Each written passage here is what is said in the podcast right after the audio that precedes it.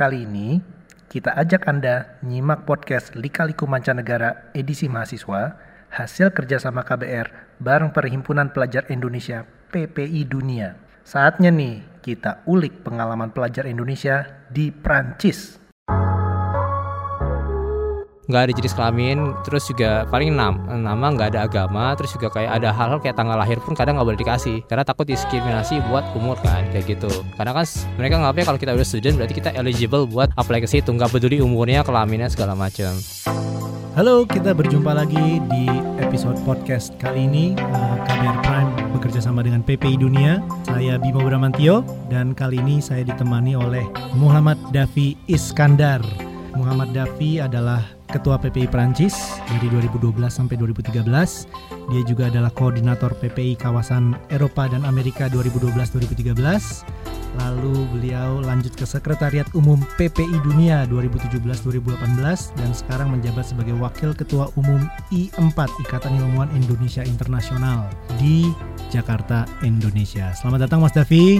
Halo Mas Bimo. Ya, terima kasih atas waktunya. Sama-sama. Uh, Mas Davi, kita mau ngobrol-ngobrol dulu sebelum kita uh, ke Prancis nih. Dari okay. sisi obrolan, saya mau nanya dulu nih. Jadi sekarang kegiatannya di Jakarta uh, apa aja nih? Oke, jadi sekarang saya di Jakarta sambil penelitian juga, karena kan saya sedang S3 di uh, bidangnya Doctorate in Business Administration atau DBA. Kalau MBA itu masternya, ini DBA yang S3-nya. Penelitian saya kebetulan di Jakarta dan Aceh tentang pertambangan. Oh nice. Panjangan sih agak ribet. Institut Preparation Administration et Gestion. Ya anggapnya okay, saja okay. IPAK lah, biar nggak ribet. If, IPAK. IPAK. IPAK. IPAG. IPAG. Oke. Okay. Ya, jadi kebetulan uh, tentang pertambangan tapi dari sisi okay. bisnisnya. Makanya kan uh, saya karena lagi di Jakarta tapi ya bolak-balik juga ke Prancis sih buat bimbingan sama oh, yang lain-lainnya. Nice. Berarti Mas Davi itu kuliahnya di Paris tapi penelitian basisnya itu di Indonesia. Iya, betul. Okay. Nomaden saya, Mas. Nomaden. Nggak jelas. Mantap. Oke Mas Davi, Mas Davi aku mau tahu. Jadi uh, kenapa kamu uh, tertarik untuk ke Prancis dari tempat pertama dan gimana sih uh, perjalanan kamu hingga akhirnya sampai ke sana? Oke, sebenarnya saya ini salah satu korban propaganda Prancis. Propaganda, oke. Okay. Jadi kan orang lihat Prancis kayak romantis, terus juga kayak internasional gitu Betul. dan seninya banyak dan ada film-filmnya kan kayak Evan in Love, terus juga ada Lost in Love dan lain-lainnya. Nah, awalnya sih kalau master di Prancis itu karena saya alhamdulillah ketolak pas apply S2 di Indonesia. Oh oke. Okay. Blessing in disguise Blessing ya. In disguise, Blessing ya. in disguise. Ya ya. Terus kan nyari-nyari informasi tuh. Ternyata biayanya itu sebenarnya nggak jauh beda kalau kayak Eropa. Karena okay. kan kalau kampus negeri di sana disubsidi kan. Jadi kalau misalnya kan saya sekolah bisnis udah pasti mahal di Indonesia pun. Betul. Dan awalnya coba-coba karena sertifikat bahasa Prancis itu beda sama TOEFL yang berlaku seumur hidup dia. Kalau TOEFL ada batas waktunya. Ada batas waktu ya, 2 tahun biasanya. Okay. Jadi saya akhirnya iseng-iseng coba karena sertifikat bahasa itu kan bagus juga buat CV. Toh either uh, saya nggak jadi ke Prancis pun itu bisa saya pakai buat lain-lainnya kan. Betul. Dan itu bisa buat internasional juga. Jadi awalnya sih itu. Ya, dan bahasa Prancis sendiri kan salah satu bahasa internasional kan. Betul. Ya, setelah bahasa Inggris kan. Dan bahasa yang bagus juga buat ngerayu cewek. Iya betul sekali. Wow. Mas Davi, jadi belajar bahasa Prancis dulu dong di sini ya? Iya, jadi awalnya belajar basic bahasa Prancis di IFI, Institut Français Indonesia yang di Jakarta, basicnya. Nah, kemudian setelah itu lewat, saya ke kota La Rochelle, kota kecil di Prancis. Ibaratnya itu kayak misalnya Jogjanya lah, kalau di Prancis itu. Saya bahasa Prancis lanjutan. Kenapa? Karena itu kota kecil, jadi saya mau nggak mau harus dipaksa bahasa Prancis. Karena jarang orang yang bisa bahasa Inggris. Dan ada jurusan bahasa Indonesia di situ. Oh, kok lucu banget sih? Iya. Bisa ada jurusan bahasa Indonesia, tapi kota kecil, kota penduduknya kecil. dikit. Iya pasti mayoritas juga orang sana Betul. gitu kan? Uh, makanya itu sebenarnya tempat yang perfect buat belajar bahasa Prancis ada orang Indonesia juga di sana? Ada. Jadi kebetulan dia yang di Fakultas Bahasa Indonesia ada namanya Felix Joulanger. Istrinya orang Indonesia. Dan okay. dia sering sering banget ke Indonesia karena buat kerjasama segala macam. Makanya ada banyak pertukaran dari Indonesia yang ke La Rochelle itu sendiri program kerjasama dan juga banyak mahasiswa Indonesia juga. Karena dia aktif buat informasi sih. Karena dia bilangnya kalau bahasa Indonesia itu kan bahasa Melayu jadi di ASEAN itu bisa dipakai di beberapa negara juga nggak cuma Indonesia. Oke, itu kotanya uh, seberapa jauh mas dari Paris? Karena orang-orang Prancis kan biasanya paling paling tahu kan Parisnya lah ya. Okay. Itu kalau naik TGV uh, eh, kereta cepatnya itu kereta sekitar cepat. 4 jam dari Paris ke La Rochelle. Dia itu di pinggir laut, jadi di dekat selat Inggris. Tapi sebelah baratnya. Ya ya oke. Okay. Lalu gimana mas? Tiga bulan pertama itu sindrom turis. Jadi ke mana-mana saya selalu foto-foto, selalu senang, selalu makan di luar segala macam. Setelah tiga bulan udah mulai kerasa homesick ya sih mas. karena kan saya lahir besar di Jakarta jadi kayak Iya. saya butuhnya kota gede karena setelah lewat jam 6 itu udah sunyi nggak ada apa-apa hari minggu nggak ada bus sama sekali dia nggak ada kereta nggak ada tram cuman bus dan sunyi banget jadi akhirnya mau nggak mau kan kita ke explore explore tempat yang ada cuma karena kota kecil setelah tiga bulan kayak udah semua dieksplor dan agak bosan sih akhir Nah, terus gimana setelah dari kursus bahasanya itu, Mas? setelah kursus bahasa itu saya kan apply apply sekalian buat yang masternya tuh Oh, saya apply sana apply-nya ya? apply master yang bahasa Inggris sama bahasa Prancis. Nah kebetulan alhamdulillah saya dapat yang bahasa Inggris dan itu di kampus negeri. Oke. Karena itu jurusan yang baru buka juga dan kebetulan saya salah satu-satunya orang di Asia Tenggara yang keterima di situ. Jadi kan Oh, wow. akhirnya saya pindah ke Paris. beasiswa atau gimana waktu itu? Nah untuk yang masternya saya beasiswa unggulan dari Kemendikbud dulu kan masih Kemendikbud tuh Kemendikbud. belum dipisah sama Dikti. Dulu itu kalau yang beasiswa unggulan ini saya harus dapat surat penerimaan dulu. Baru apply beasiswanya Betul. gitu. Dan Oke. itu beasiswa parsial karena kan kuliah saya di kampus negeri udah murah itu sekitar kayak 7 juta rupiah setahun pas uh, zaman waktu itu. Mhm. Jadi saya cuma beasiswa biaya hidup aja. Makanya kayak lebih gampang sih untuk Iya, dapatnya. oke. Jadi yang dibeasiswakan biaya hidupnya. Mm-mm. Untuk biaya kuliahnya sudah murah karena sudah disubsidi Iya, oleh tinggal, pemerintah Prancis. tinggal nyicil per bulan lah masih Iya, bisa. betul, Nggak Starbucks oke. sebulan sekali bisa. Tapi yang paling terbesar tantangannya karena harus dapat kampus dulu kan. Iya, itu ya. Iya, Hmm. jadi kan ya saya apply ke banyak kampus sebenarnya. Jadi yang nolak saya itu banyak. Yang terima itu kalau nggak salah cuma tiga. Hmm. Satu di Lyon, dua di Paris. Hmm. Terus juga saya kan kayak harus persiapin macam-macam. Kayak saya apply-nya dua ke bahasa Prancis sama ke bahasa Inggris juga. Jadi saya terjemahin semuanya, CV, motivation letter, terus juga uh, ijazah, transkrip nilai segala macam. Saya terjemahin ke dua bahasa itu. Oh ya. Dan which is kan wow, itu makan waktu karena harus kan kata-kata yang bagus kan dan persiapan wawancara. Jadi kayak kita wawancara gini saya Ada latihannya wawancara ya. Mas ya? Ada Ada ya ya ya. 15 menit. Iya ya, dengan universitinya gitu ya. Iya, jadi ada dua pewawancaranya, cewek sama cowok, ya kayak dibombardir sih. Istilahnya kayak sidang lah. Kayak gitu. Ya, cuman sih ya lancar-lancar alhamdulillah. Nah, terus akhirnya Mas Davi eh, dapat nih akhirnya S2 di Paris ya waktu itu ya. betul. MBA berarti Mas Davi. Em, sebenarnya kalau gini, ini agak-agak menarik karena kayak di Indonesia sendiri sebenarnya kan nggak boleh ada MBA, ada MM. Nah di Hmm. Perancis sendiri MBA itu kalau kampusnya swasta. Kebetulan S2 Hmm. saya itu di kampus negeri, jadi Negeri. dia gelarnya MS ya, Master of Science Oh iya. karena iya. Social Science. Betul betul. Tapi kurikulumnya itu sama persis kayak MBA pas saya cek. Oh iya iya iya. Cuma iya. karena di kampus negeri nggak bisa pakai MBA. saya juga gitu Master of Science in Business Administration. Wih. Iya, bisa juga kan berarti. Betul. Iya iya. Mas Davi, apa nama kampusnya Mas? Yang masternya itu Paris West Nanterre atau Paris 10 karena kan kalau di sana kampus negeri itu ada nomor angka kayak SMA sama SMP di Indonesia lah ada Oh, angkanya oke. juga itu letaknya itu sebenarnya kayak di uh, suburbnya atau di Banglio namanya istilahnya kalau di Indonesia itu kayak di Depoknya itu kampusnya lumayan gede karena dia di pinggir dan dia dekat PC Sisrik jadi jurusannya lumayan lengkap juga dan kebetulan ya dulu direktur IMF lulusan sana juga Oh, Uh, tadi iya. Presiden Prancis, dulu iya. Sarkozy lulusan sana juga. Iya. Dan ya lumayan lengkap. Jadi menariknya kayak misalnya di sana itu kan ada banyak ekskul. Karena itu lokasinya gede sampai ada berkuda ekskulnya, ada ekskul golf, Oh nice. ada ekskul berenang juga. Iya iya. Kemudian kantin kampusnya itu kayak tersentralisir. Jadi kita bisa ketemu dengan teman-teman dari macam-macam jurusan. Di sana kan kerjasama tuh. Jadi kayak misalnya di kampus yang lain itu bisa ada kayak kuliah di kelas yang situ. Karena kayak program gabungan. Oh iya, sama mata pelajarannya bisa diambil di situ. Iya, Iya, jadi iya. kayak ya gabungan kayak gitu. Makanya Oke. lumayan menarik sih. Cuman ya ribetnya mungkin karena saya kira kan kayak sistemnya kayak di Amerika ternyata agak beda. Karena ada sistem yang kita cuma ngedengerin doang, tapi ada juga sistemnya yang kita kayak lebih banyak tugas kelompok ya di situ. Itu yang menarik bagi Hmm. saya. Dosennya pun ada yang tua konvensional yang kolot, bener-bener kayak kolot di Asia. Ada juga yang dia muda, yang dia emang orang startup yang konsultan. Oh wow, ya jadi variasi ya. Variasi mas. Jadi hoki-hokian dapat dosen yang mana. Lingkungan belajarnya gimana di Paris 10 itu mas? Oke, untuk lingkungan belajar sendiri sebenarnya itu ya secara umum mungkin mirip-mirip juga. Cuma bedanya kayak akses di eh, Mirip apa nih? Mirip Indonesia nih? mirip Indonesia. Oh, Oke.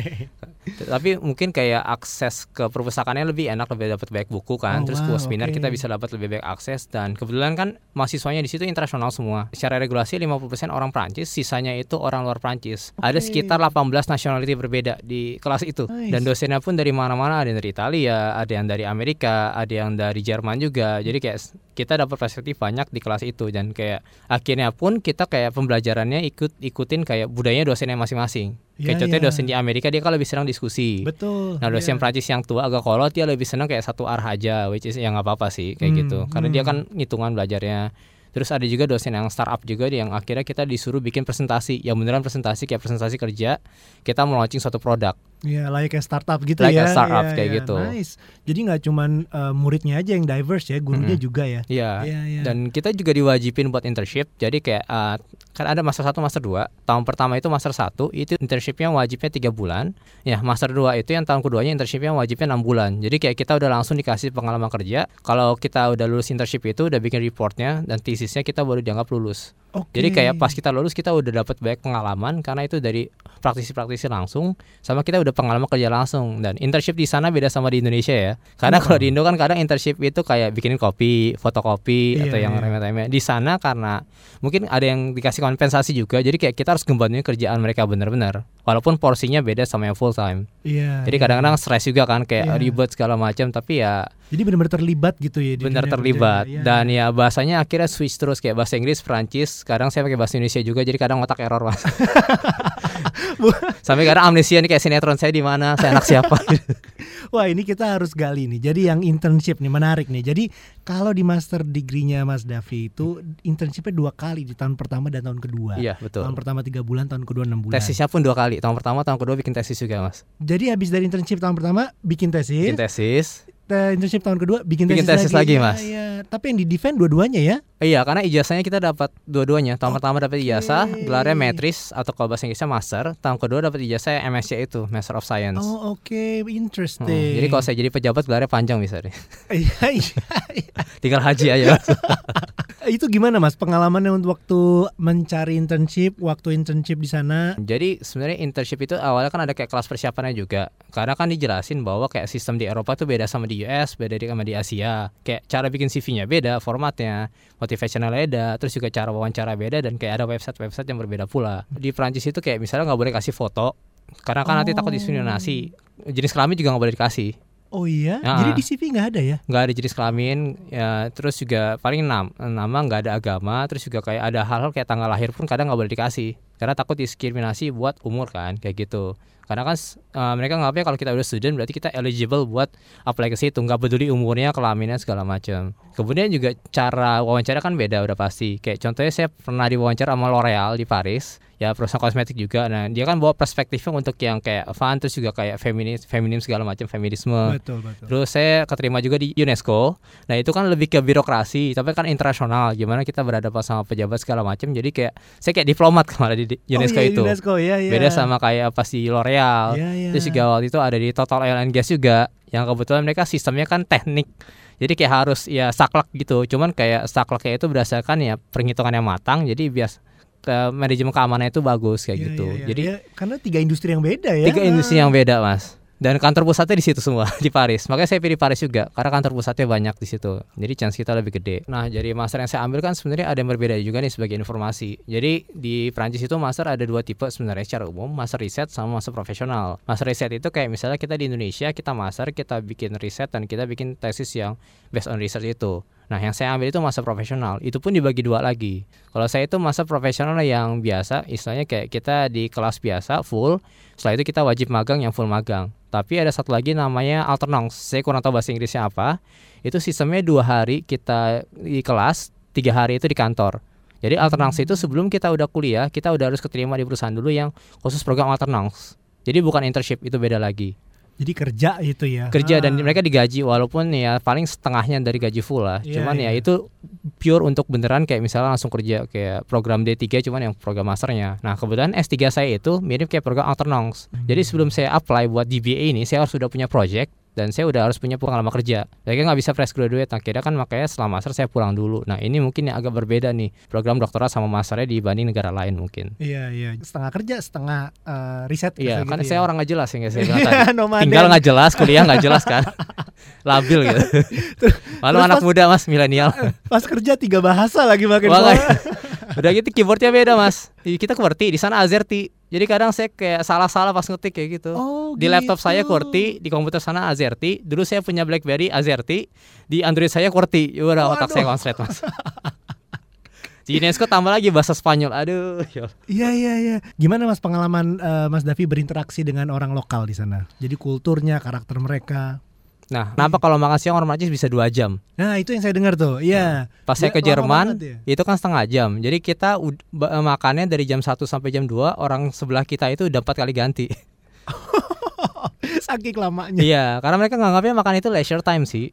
Jadi Iya, bukan iya. suatu kayak kebutuhan kebutuhan yang biasa, tapi kayak itu kebutuhan buat emosional mereka juga kayak lagi even makan pun bisa sambil debat sih. Karena Iya, itu iya, hobinya iya. orang Prancis. Nah, kayak Iya. netizen Indo zaman sekarang lah.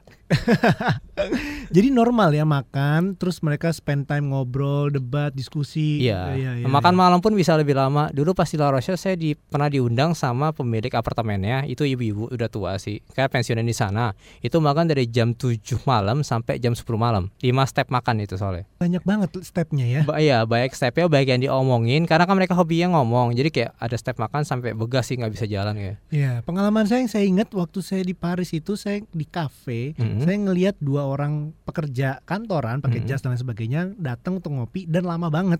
Iya. Nah, jadi mungkin itu bagian dari break-breaknya mereka gitu kali ya. Betul. Iya, Oke, iya. kulturnya hampir mirip kayak di Indonesia kan, or- khusus di Jakarta kita hobinya nongkrong sambil ngopi kan. Iya, nongkrong sambil ngopi. Iya. Iya. Jadi buat mereka itu kayak kongkonya gitu Iya, ya. karena saya juga suka ngopi, jadi ini cocok banget nih kayak. Iya iya iya. Saya mau nanya lagi nih mas. Eh, biasanya pelajar di sana itu nggak terlepas dari eh, yang namanya kesulitan-kesulitan hidup pada normalnya lah. Ada yang sakit atau kadang kalau eh, di Prancis mungkin ada Putus cinta. Wah, gitu ya banyak ya itu, itu banyak normal Mas. banget betul. Itu itu sakit juga sih mas sakit hati. Sakit. Eh, sakit hati. Berdarah di dalam mas. Ya, yang saya tahu di Paris mas itu eh, beberapa kali pernah terjadi kejadian-kejadian yang tidak diinginkan kayak bom. Eh, at- ya emergency Force force, major. major lah ya. Ha-ha. Itu bagaimana sih mas eh, situasi di sana? Apakah Mas Davi waktu itu di sana dan bagaimana orang-orang di sana nanggepinnya? Oke, jadi kan sebenarnya ada ada dua sisi sih yang kita lihat di sana. Yang pertama itu kalau ada force major di sana itu kan ada kayak namanya pompier, itu kayak pemadam kebakarannya. Jadi sebelum polisi datang, sebelum tenaga kesehatan datang, pompier atau tenaga kebakaran itu datang dulu karena mereka ahli buat kesehatan, ahli juga buat perlindungan fisik segala macam. Itu dari sisi Perancisnya dan bisa dikontak langsung. Kalau di sisi Indonesia, kita biasa koordinasi sama KBRI Paris. Nah dari KBRI itu biasa kan kasih himbauan atau kita dulu yang informasikan KBRI kita kasih himbauan. Nah dari jaringan kita biasa kita kayak nyari nih siapa-siapa aja yang kena segala macam. Nah kalau di Parisnya sendiri, eh saya juga aware nih di Paris itu banyak sekali terjadi demo. Iya. yang pasti demo kena kerja. Terus sekarang ada demo tentang lingkungan hidup kan. Karena kan sekarang masalah polusi udara, environment segala macam. Oh, iya, Terus ada iya. demo feminis juga. Oh iya iya. Ada demo juga yang tentang misalnya eh, kesetaraan untuk yang imigran sama yang nggak imigran. Oh wow, oke. Karena kan yang kadang imigran ilegal pun kena imbasnya kan, Iya, walaupun imigran yang eh, ilegalnya banyak. Terus gimana nih komunit apa pelajar-pelajar di sana pada saat lagi mau ke kuliah terus ada demo itu kayak gimana? Apa udah biasa aja atau Kadang ada yang biasa aja karena udah ya udah rutin kan, tapi ada juga ngambil dalam kesempatan di situ tuh pada Oke. demonya. Oke. Karena mereka biasa kayak bikin liputan, yaitu bisa dikirim atau jadi korespondensi ke TV-TV di Indonesia. Oh, oke. Atau mereka bikin konten di sosmednya kayak misalnya live di Facebook, live di Instagram, atau Iya. bikin kayak video di Instagram buat follower-follower mereka itu lumayan juga katanya bagi mereka sih. Oh wow, itu kreatif ya. Jadi memang pelajar tuh kreatif banget ya pada saat di luar Kreatif. negeri. Malu anak labil. Terus dari eh, komunitas eh, pelajarnya sendiri, Hmm. eh, itu di sana eh, bagaimana sih? Apakah sebanyak apa ada di sana komunitasnya dan sesolid apa? Apakah ada kegiatan-kegiatan yang normalnya dilakukan? Gitu. Nah, kalau komunitas sendiri itu sebenarnya ada lebih dari berapa ya? Sekitar lebih dari 500, mungkin bisa sampai seribuan lebih di 500 Prancis itu pelajar sendiri. ya. Oke.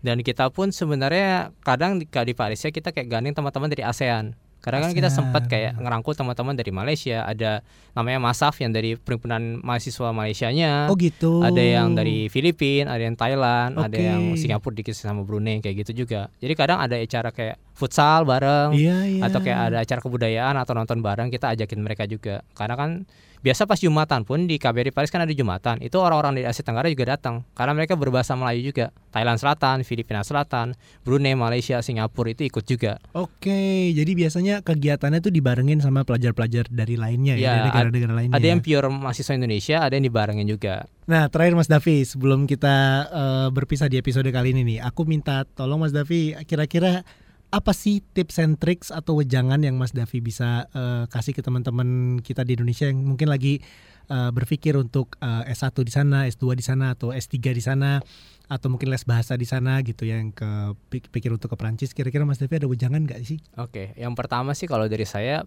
uh, pelajari bahasanya bahasa Prancis. Karena walaupun kalian misalnya full pakai bahasa Inggris kuliahnya, kita kalau bisa bisa Prancis, bisa bahasa Prancis, bahasa mereka kan akan terbuka banyak peluang tuh dan terbuka banyak informasi yang bisa kita dapat dan Kalau kita ngomong dengan bahasa mereka, kita akan bisa ngomong langsung ke hati mereka sih. Nanti kayak gitu. Itu yang pertama.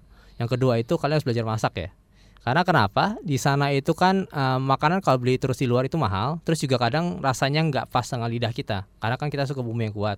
Lagi kita lebih sering masak, saya lebih hemat, rasanya lebih pas dan pulang-pulang bisa pamer kan gue bisa masak nih ini gue masakin ya. Atau bisa bikin YouTube channel masak gitu. Jadi rata-rata pelajar Indonesia di sana jago masak ya, ya? terus yang ketiga itu belajar mandiri. Kayak di biasa di Indonesia kan kita di rumah ada yang nyuciin atau bisa ke laundry dicuciin itu murah. Di sana harus cuci sendiri kita harus ngepel sendiri nyetrika sendiri terus juga ngurus administrasi semuanya sendiri buat imigrasi buat di apartemen segala macam. Jadi belajarlah untuk mandiri dan belajar untuk bersabar karena semua itu kan butuh proses Oke Mas Davi, wah thank you banget nih waktunya sharing-sharing infonya, tips and tricksnya nih Mas Sama-sama, Davi. Mas nah, ini kita akhirnya sampai di penghujung acara untuk episode kali ini mengemas lika-liku kehidupan belajar dan hidup di Prancis bersama Mas Muhammad Davi Iskandar. Kita sudahi dulu episode kali ini. Stay tune untuk podcast-podcast berikutnya. KBR Prime bekerja sama dengan PP Dunia. Saya Bimo Bramantio. Salam.